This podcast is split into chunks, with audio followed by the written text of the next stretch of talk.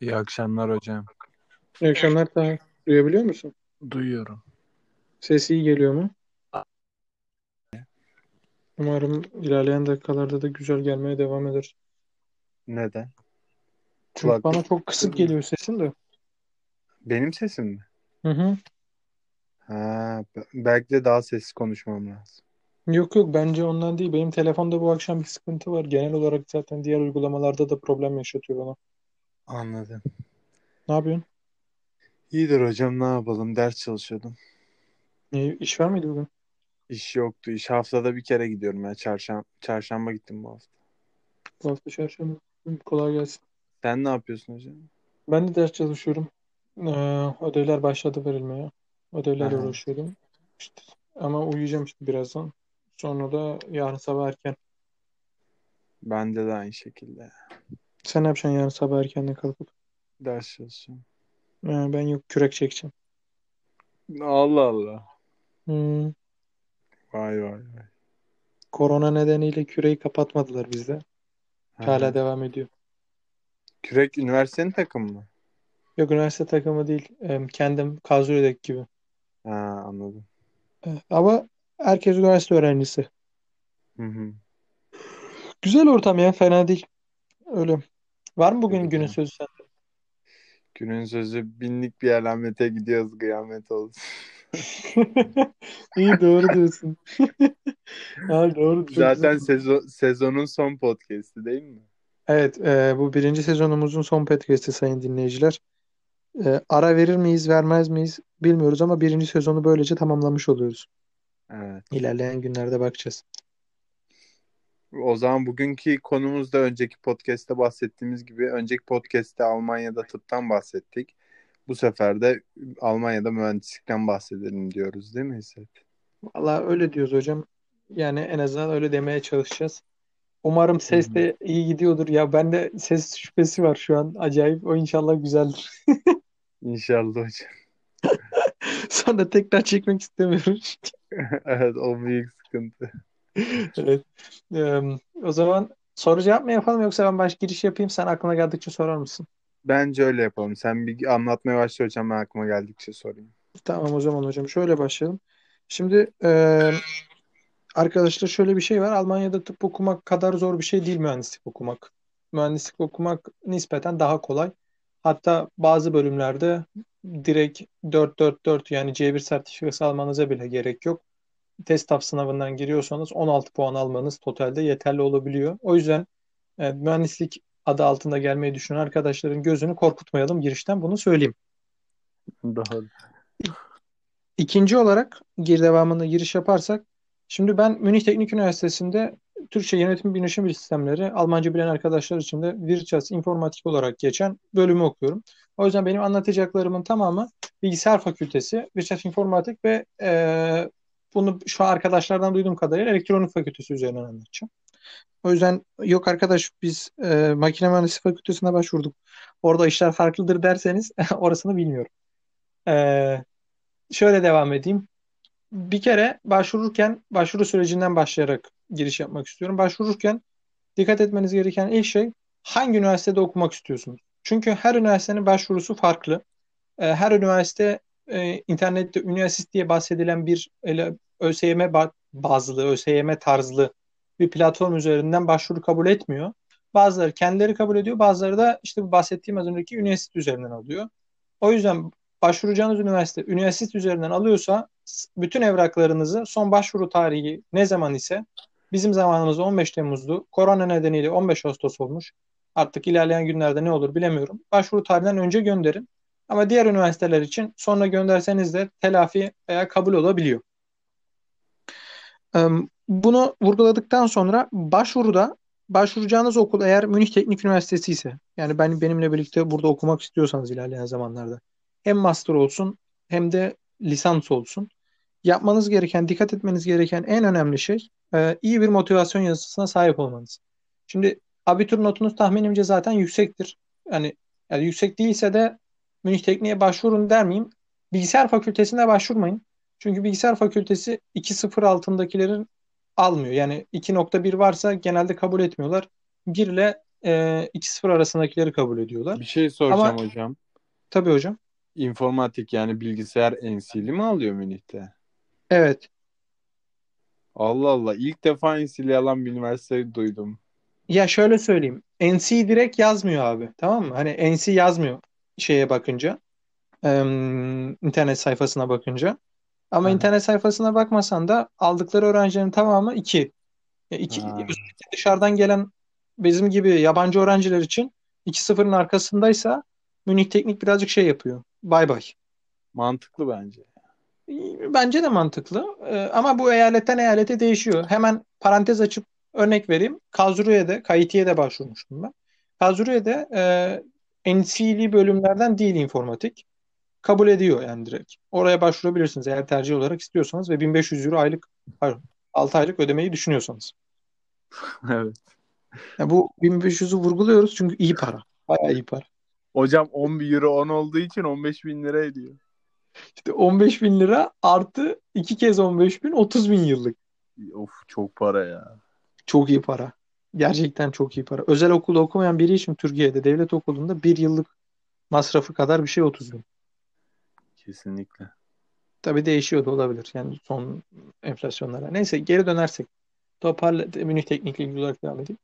E, notunuzun iyi olduğunu varsayıp şunu devam edeyim. İyi bir motivasyon yazısı. Çünkü e, Münih Teknik Üniversitesi kendisini şöyle görüyor. Biz e, şu an Almanya'nın en iyi üç okulundan biriyiz.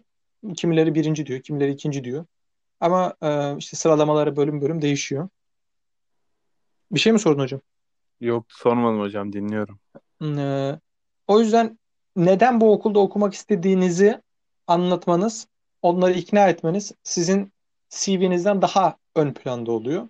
Misal ben e, şeye çağrıldım. Ne deniyor? Mülakata çağrıldım. Mülakatta bana neler sormadılar ki? Ben tahmin ediyordum ki böyle genel hatlarıyla bir sorular sorulur. İşte neden burayı tercih ettin? Bölümle ilgili ne biliyorsun diye. Bunları sorduktan sonra genel bunları da sorular yalan olmasın. Ama arkasından bana mesela sorulan sorulardan biri şuydu. Bir toplu taşıma firmasına sahipsiniz. Bu firma ilerleyen yıllarda işte insansız araç yapmayı ve insansız araçları da toplu taşımaya katmayı düşünüyor. Böyle bir uygulama yapsanız insanların biletlerini kontrol edecek şeyi nasıl yaparsınız? Bu uygulamayı nasıl planlarsınız diye bir soru sordu. Ve bunu anlatmamı istediler. Bir de matematik sorusu sordular üzerine ek olarak. Şimdi böyle mülakatlar da olabiliyor. Gözünüzü birazcık korkutayım ama yapılmıyor da değil, geçiliyor da. Sen de girmiştin değil mi hocam mülakata? Girdim ve ya sana çok ilginç bir şey söyleyeyim mi hocam? Ben o mülakata girdim. Mesela sen diyorsun ya bana bir sürü soru sordular ben çoğunu yani hepsini bilemedim dedin ya. Evet bilemedim bilemedim. Yani İşte Geçtim. mesela hocam bana sordukları soruların hepsini ben bildim tamam mı? Ama ben kaldım.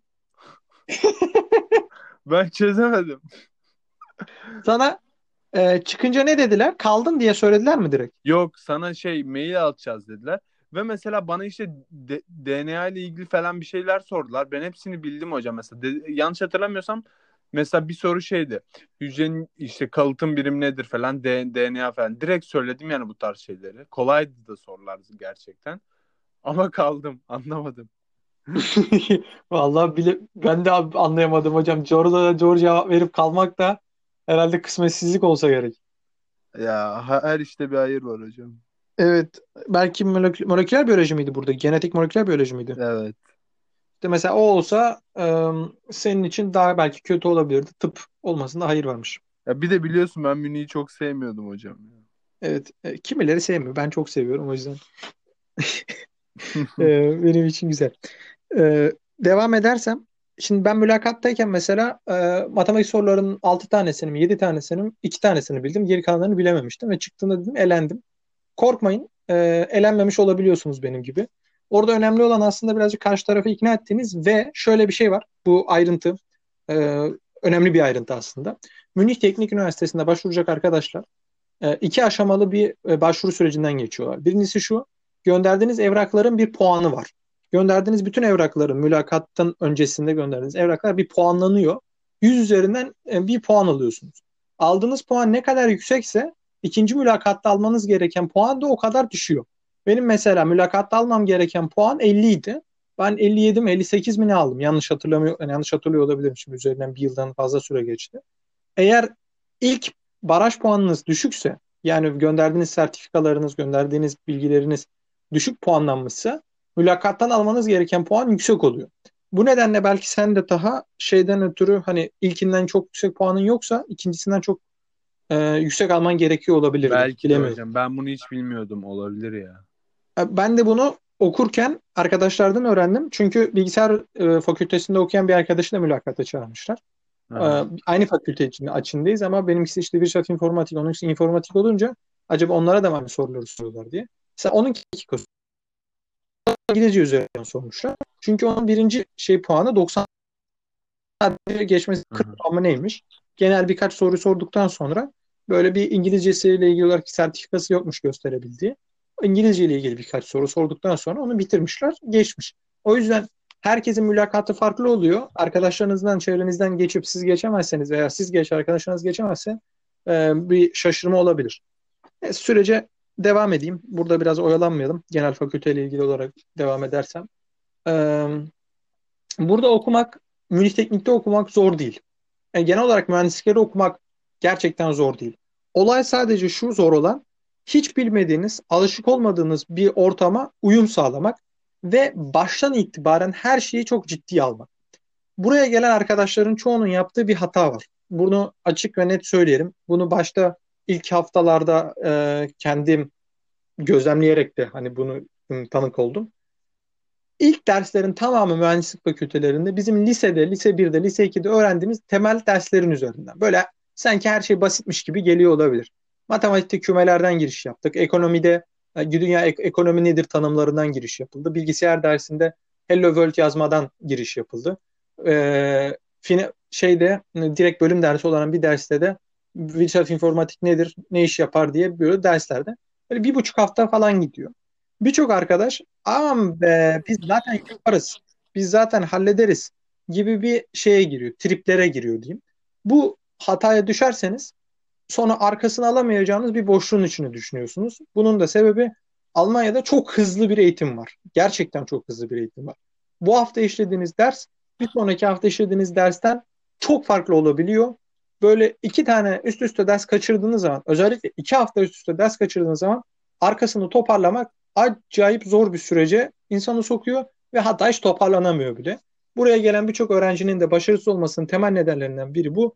Dersleri küçük görmek. İlk baştaki ilk haftayı küçük görmek. Sakın ve sakın bu hataya düşmeyin dersleri yaparken. Bizde Taha bahsettiği üzere Stat Exam'den bahsetmişti. Yani yapılan yıllık bir sınavdan, daha doğrusu tam yıllık bile değil ikinci, beşinci ve altıncı sınıfta da söylemişti daha tıp için. Aynen hocam. Ee, bizde öyle bir şey yok. Bizde olay şu şekil işliyor. Ee, bir tane final sınavımız var. Hatta Münih Teknik Üniversitesi diğer fakültelerden farklı, diğer üniversitelerin şeyinden farklı olarak şöyle bir şey söylüyor. Bilgisayar fakültesi için konuşayım. Ee, bizim bir tane sınavımız var. O da Şubat ayında sınav haftası denen bir haftamız var. 11 Şubat'ta ya da 12 Şubat'ta başlıyor. 29 Şubat'a kadar veya 2 Mart'a kadar sürüyor. Bu arada böyle çok sıkışık bir program. Ama e, sonrasında tatil var. Yani birazcık tatil sağlıyor. Bilgisayar fakültesinde dört tane birinci dönem vermeniz gereken sınav var. Bu dört sınavdan iki tanesini verirseniz üçüncü semestrin sonuna kadar paşa paşa okuyabiliyorsunuz. Hiçbir derdiniz yok. Bunlar vermek yükümlü olduğunuz dört sınav. Eğer dördünü de verirseniz hiç sorun değil. Artık istediğiniz alıp başınızı gidebilirsiniz. Üçüncü semestri vurgulamam da şuydu. Eğer ikisini verdiniz, ikisini veremediniz veya üçünü verdiniz, birini veremediniz. Bunu üçüncü sömestrin sonuna kadar vermek zorundasınız. Çünkü bunları vermeden devam edemiyorsunuz. Bu, bu sizin böyle vermekle yükümlü olduğunuz bir zorunluluk gibi bir şey. Ee, bunun dışında diğer hiçbir dersin zorunluluğu yok. İstediğiniz kadar tekrar edebiliyorsunuz. Yeter ki krediniz... O çok iyi hocam ya. Ne? O istediğin kadar tekrar edebilme mevzusu çok iyiymiş. Bence de çok iyi bir şey. Yani o anda bir şey olabilir, hasta olabilirsin. Yani sınırlamamaları gerçekten güzel bir şey. Ama bu bilgisayar fakültesi için böyle. Hemen mesela parantez açayım. Elektronik fakültesi için okuyacak, elektrik elektroniğe gelmek isteyen arkadaşlar için birinci dönemde ve ikinci dönemdeki bütün sınavları vermekle yükümlü onlar. Sıkıntı. O sıkıntı mesela. Ee, o, ama mesela elektrik elektronik 2000 küsür öğrenci kabul ediyor. Elemenin de en iyi yolunu bu olduğunu düşünüyor. O yüzden böyle bir elemeye gidiyor. Bunu okul olarak değiştirirsek mesela KIT'de bu nasıl işliyor diye söyleyebiliriz. Bunu arkadaşlardan duyduğum için. E, KIT'de de vermekle yükümlü olduğunuz sınavlar var. Ama bunları 3. sömestrin sonuna kadar verebiliyorsunuz. Bizdeki küçük 3. sömestr farkı şu. Eğer bu 4 sınavdan 2 tanesini değil birini verirseniz yani üçünü veremezseniz veya hiçbirini veremezseniz e, telafi sınavları olan Mart ayındaki sınavlara girip yine veremezseniz hemen arkasından telafiler var. Okuldan direkt atılıyorsunuz. Yani e, böyle ben birini verdim, üçü sonra kaldı gibi bir şansınız yok. En az iki tanesini muhakkak vermek zorundasınız. Aksi takdirde bilgisayar fakültesinden atılıyorsunuz ve atıldığınız zaman ne oluyor tam olarak bilmiyorum. Sıkıntı. Sıkıntı. Gerçekten sıkıntı. Var mı sorun hocam? Devam edeyim mi? Evet hocam güzel gidiyorsun bence. İyi. Devam edeyim o zaman. Ee, bunun dışında Virşas İnformatik bölümü e, benim adıma söyleyeyim bunu. Kendi adıma birazcık e, kişisel ama bu bölüme gelmek isteyen, master yapmak isteyen veya direkt bu bölümü okumak isteyen arkadaşlar için. Her okulda çok farklı. Bunu e, niye böyle söylüyorum her okulda farklı diye? Bizim fakültemizde %75 ile %80 arasında bilgisayar ağırlıklı ders görüyoruz. Yani biz direkt bilgisayar fakültesi altındayız. Kimi fakülte, kimi okullarda bu fakülte ekonomi fakü, ekonominin altında yani Wirtschafts'ın altında geçiyor.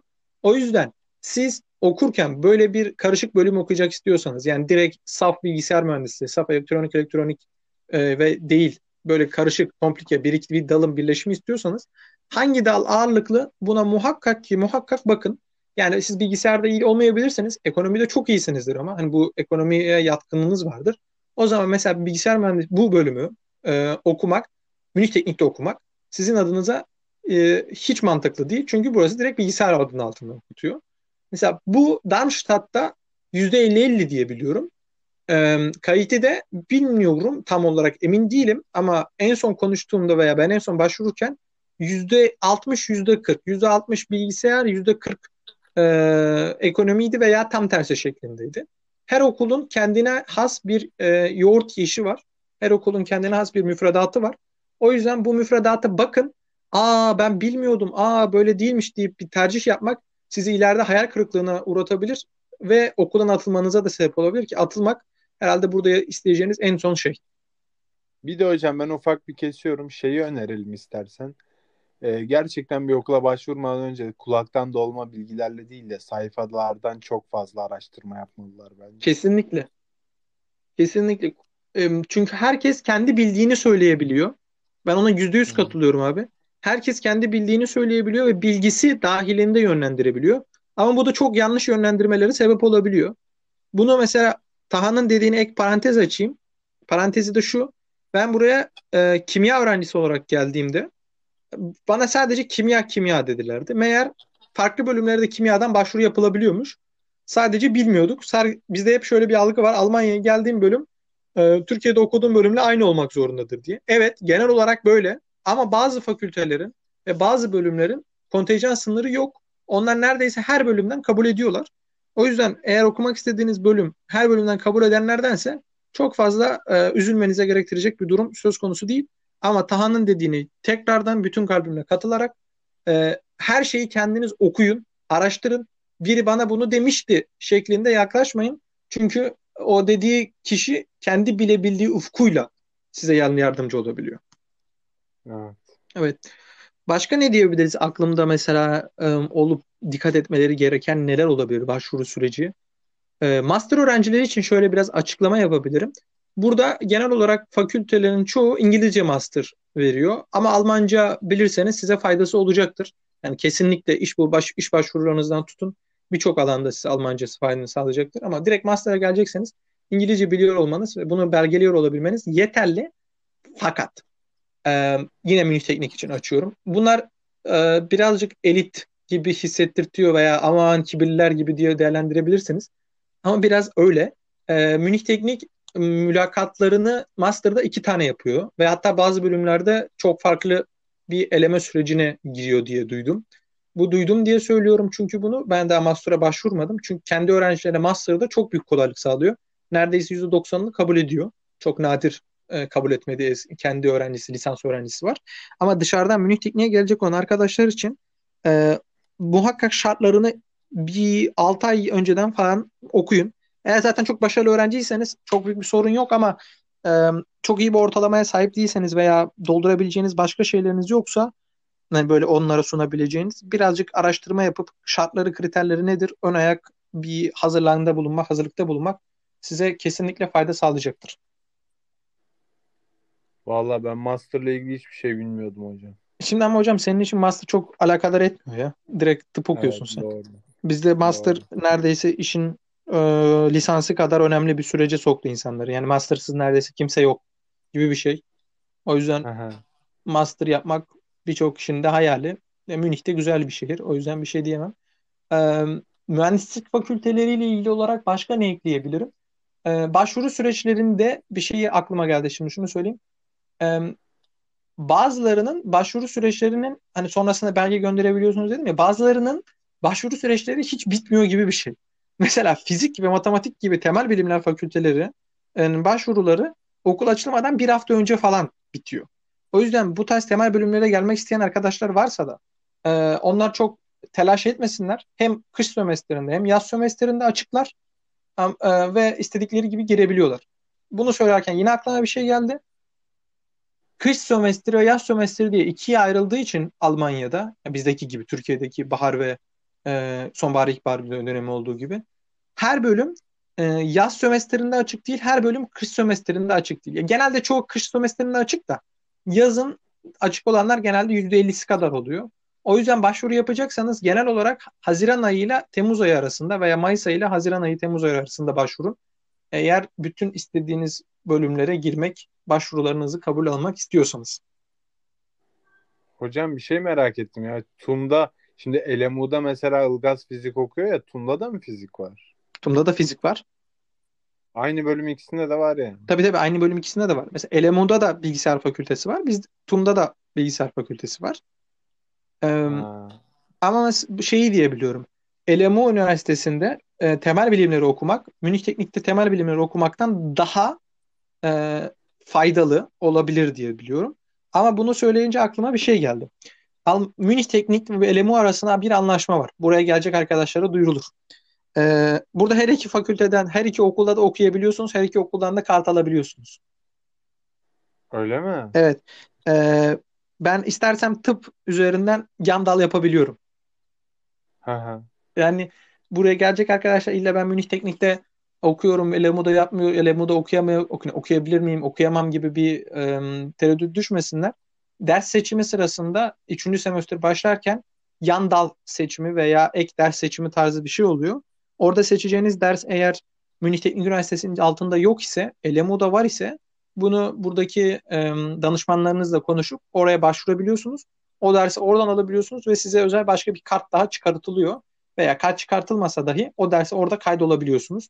Yani her iki okuldan da ders alma şansınız e, Münih içerisinde var. Bu da buranın en büyük avantajlarından biri. Burada bir şey Hocam bir eklemek şey istiyorum. diyeceğim Buraya ya. gelecek arkadaşlara bu fak mühendislik fakültesinin ayrı Tabii bir şey. ki.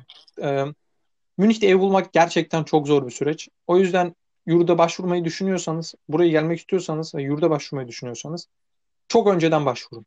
Mümkün mertebe e, baya böyle hani Mayıs ayından falan başvurun. Evraklarınızı gönderirken diğer yurt başvurunuzu da yapın. Çünkü zaten e, gerekli olan okula kayıt belgesini göndereceksiniz onlara. Onu e, Kasım ayına kadar gönderebiliyorsunuz. O yüzden ne kadar erken başvurursanız o kadar çabuk burada şeyi alıp yurt e, kazanabilirsiniz. Ben hala bekliyorum. Deyip bu ayrıntıyı geçip mühendislik fakülteleriyle ilgili olarak devam edelim. Nelerden bahsedebiliriz? Nelerden bahsedebiliriz hocam? Başka aklıma takılan Hocam ben bir şey soracağım ya. tabii. E, hocam tıp yan dal yapsana ya beraber tıp okuyalım. Hocam gerçekçi de olmam gerekiyor birazcık biliyor musun? Yani yapabiliyor olması ayrı, yapabilmek ayrı. Evet doğru Ya diyorsun. benimki zaten ekonomi bilgisayar karışımı bir şey olduğu için bir de tıp eklersem karman çorman olurum herhalde.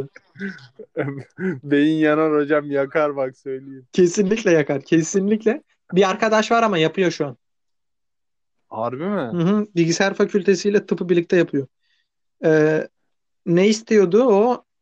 Bu nöro, nöroş, nöroşoloji diyeceğim ama kusura bakma telaffuz yanlış olacak. Be- be- Nöroloji olabilir mi? nöroloji, beyinler, sinirler, onlar sinapsların aktarımı falan var ya. Aynen nöroloji işte. Tamam doğrudur, nörolojidir. Ben bilmiyorum işte bu kadar bunun tıp bilgim. Estağfurullah. Onların aktarımı, bilgisayarlara aktarımı ve bu tıbbi cihazlarla ilgili olarak çalışmak istiyordu. Yalnız çok mantıklı abi. Var ya gelecek o bölümde biliyor musun? Tıp mühendisliği yani. Aynen gelecek orada hocam. Doğrudur hocam ben de katılıyorum ama yapmak için birazcık yüksek not ortalaman gerekiyor. Özellikle tıpla yantal yapmak istiyorsan. Arkadaşın ortalaması Aha. 1.7 mi ne? Ee, Oo. evet bilgisayarda 1.7 de bayağı iyilerden yani. Öyle şeylerden değil. Neredeyse her dersi 1.0 şeklinde. O yüzden o yapıyor. O yapar ama. Onun da ona diyeceğimiz bir şey yok. Ee, nelerden başka bahsedebiliriz? Bir şey mi dedin hocam? Yo helal olsun. dedim. Vallahi ben de helal olsun diyorum. Ben de helal olsun diyorum. Başka ne diyebilirim ki zaten? Adam bayağı iyi. Bayağı bayağı iyi. Ama herkes iyi olabilir. Çalışıldığında, yeterli emek verildiğinde olmayacak diye bir şey yok. Ee, mühendisliklerle ilgili olarak şu, hem denklik belgesiyle bahsetmiştik. Gerekli olan evrakları şöyle küçük bir ayrıntı vererek bitireyim. Hem bu evrak şeyle ilgili olarak hani kafanızda varsa bu evraklar nelerdir diye. Ee, dört tane temel evrağınız var gerekli olarak. Birincisi lise diplomanız, onun Almanca çevirisi. İkincisi ÖSYM'den yerleştiğinize dair bir belge ve onun Almanca çevirisi. Üçüncüsü e, Almanca ve sertifikanız C1. Buradaki Münih için konuşuyorum. Veya buradaki diğer büyük T9 üniversitelerindeki mühendislikler için. E, ve ve ve ve yine Münih Teknik için ek olarak İngilizce. İngilizce mühendis burada olmazsa olmazlardan biri. Sertifika olarak belirtmeniz gerekiyor. Münih Teknik'te okumak istiyorsanız veya bir şekilde mülakatta falan anlatmanız gerekiyor. Ee, T9 nedir diye soruyorsanız da Almanya'da 9 tane teknik üniversite en iyi üniversiteler arasında gösteriliyor teknik olarak okumak istediğinizde. Bunlardan 5'i de kurucu üniversite olarak geçiyor. Yani bunlar direkt adında teknikte barındırıyorlar. Barındırmalarının yanı sıra e, bu T9'u kurucuları Münih Teknik Üniversitesi KIT, e, Karlsruhe Enstitü ve Teknoloji olması lazım açılımı. E, TU Berlin, TU Darmstadt ya TU Dresden ya da TU Braunschweig. Bu ikisinden biri. Bu beşinci için emin değilim. Bunlar da kuru Braunschweig olması lazım hocam. değil mi? Braunschweig olması lazım.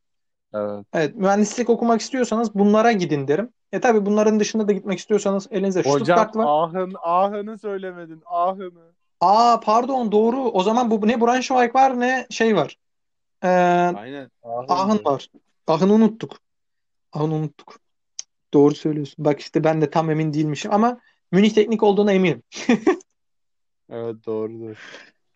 Genel hatlarıyla mühendislik şeyleri bu. Yani zor değil, vakit alan, sadece yorucu bir süreç. Ama yapılıyor. Sınavlar genel olarak final. Vize vize final sistemi çalışmıyor Almanya'da. Sadece final üzerinden gidiliyor. O yüzden tek atmanız gerekiyor. Hep düzenli çalışmanız gerekiyor. Ve kaldığınız dersler okuldan okula değişse de atılmanıza veya devam etmenize işte e, farklı farklı süreçlere yol açabiliyor. Şunların dışında ekleyebileceğim şu an aklımda bir şey yok ama sorun varsa hocam cevap vereyim. Vallahi hocam o kadar iyi anlattın ki yani. Oh. Ben de çok şey öğrendim vallahi. Teşekkür ediyorum. E- ey- eyvallah, eyvallah hocam. Ee, ve ben işte bir şeyler okuduk, araştırdık. Kendimiz bu sürecin içerisinde sen de ben de geçtiğim için. Ben 5 tane okula başvurdum yani senden farklı olarak. Sen bayağı başvurmuştun. Ee, Evet. ben Münih Teknik'ten yana kanal kırıldım. Tabii herkesin ı, isteği farklıdır. Genel olarak Berlin tercih ediliyor. Berlin'in gece hayatı, Berlin'in ortamları nedeniyle olsa gerek. Artık o da yok ki. Evet, koronada onlar da yok. Aa, korona bahsetmedim. Dur, hemen kısa koronadan da bahsedeyim. Tamam. Ee, sonra kapatalım çok uzatmadan. Koronada şu an her şey online. Sadece Bayern eyaletinde alınan bir karar nedeniyle 200 kişinin altındaki derslikler e, bireysel olarak devam edebiliyor. Yani birebir devam edebiliyor ama bu da hocanın inisiyatifine bağlı. Eğer hoca dersi ben online devam ettireceğim derse devam, online devam ettiriyor. Asla okula gitme şansınız yok. Ama onun dışında e, eğitim sistemi olarak çok iyi hazırlanmış bir online eğitim var. O yüzden çok yorucu olmuyor. Tabii ki bazı hocalar istediğiniz performansı hani Münih Teknik'te bile olsa gösteremiyorlar. Ama genel olarak bütün e, online veri sistemi, online işte çalışma prensipleri gerçekten tatmin edici düzeyde.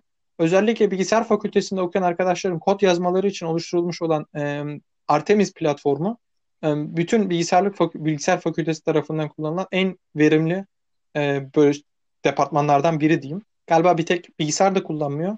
Yeri geldiğinde e, elektrik elektronik fakültesi ve makine fakültesi de Artemis platformunu kullanıyor diye biliyorum ama ne kadar kullanıyorlar tam emin değilim. Ama koronada böyle mutsuz olmazsınız. Dünyanın neresinde okursanız okuyun. E, Münih, ol, ol- neresinde olursanız olun. Nereye giderseniz gidin. Online olarak da eğitimlerinize devam edebilirsiniz deyip mühendisliklerle ilgili söyleyebileceğim her şeyi şöylece noktalayayım.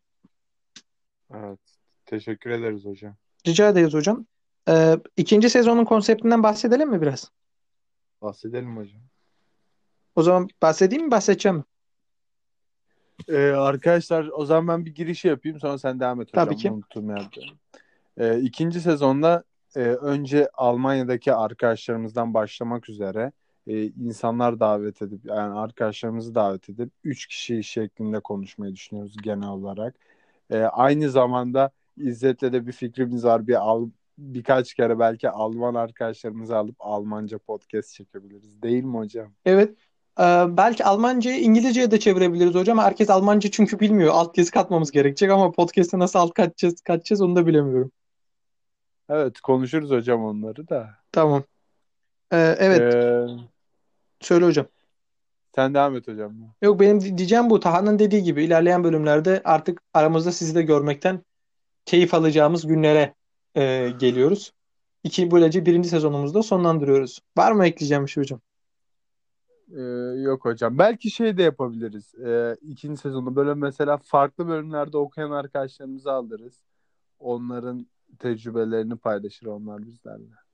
Tabii ki. Tabii ki. Ben çok keyif alırım. Onlar da eğer bizimle konuşmak isterlerse. Aynen güzel olur hocam. Bence de. Kapatalım o zaman hocam. Böylece birinci Tamamdır. sezonda tamamlayalım.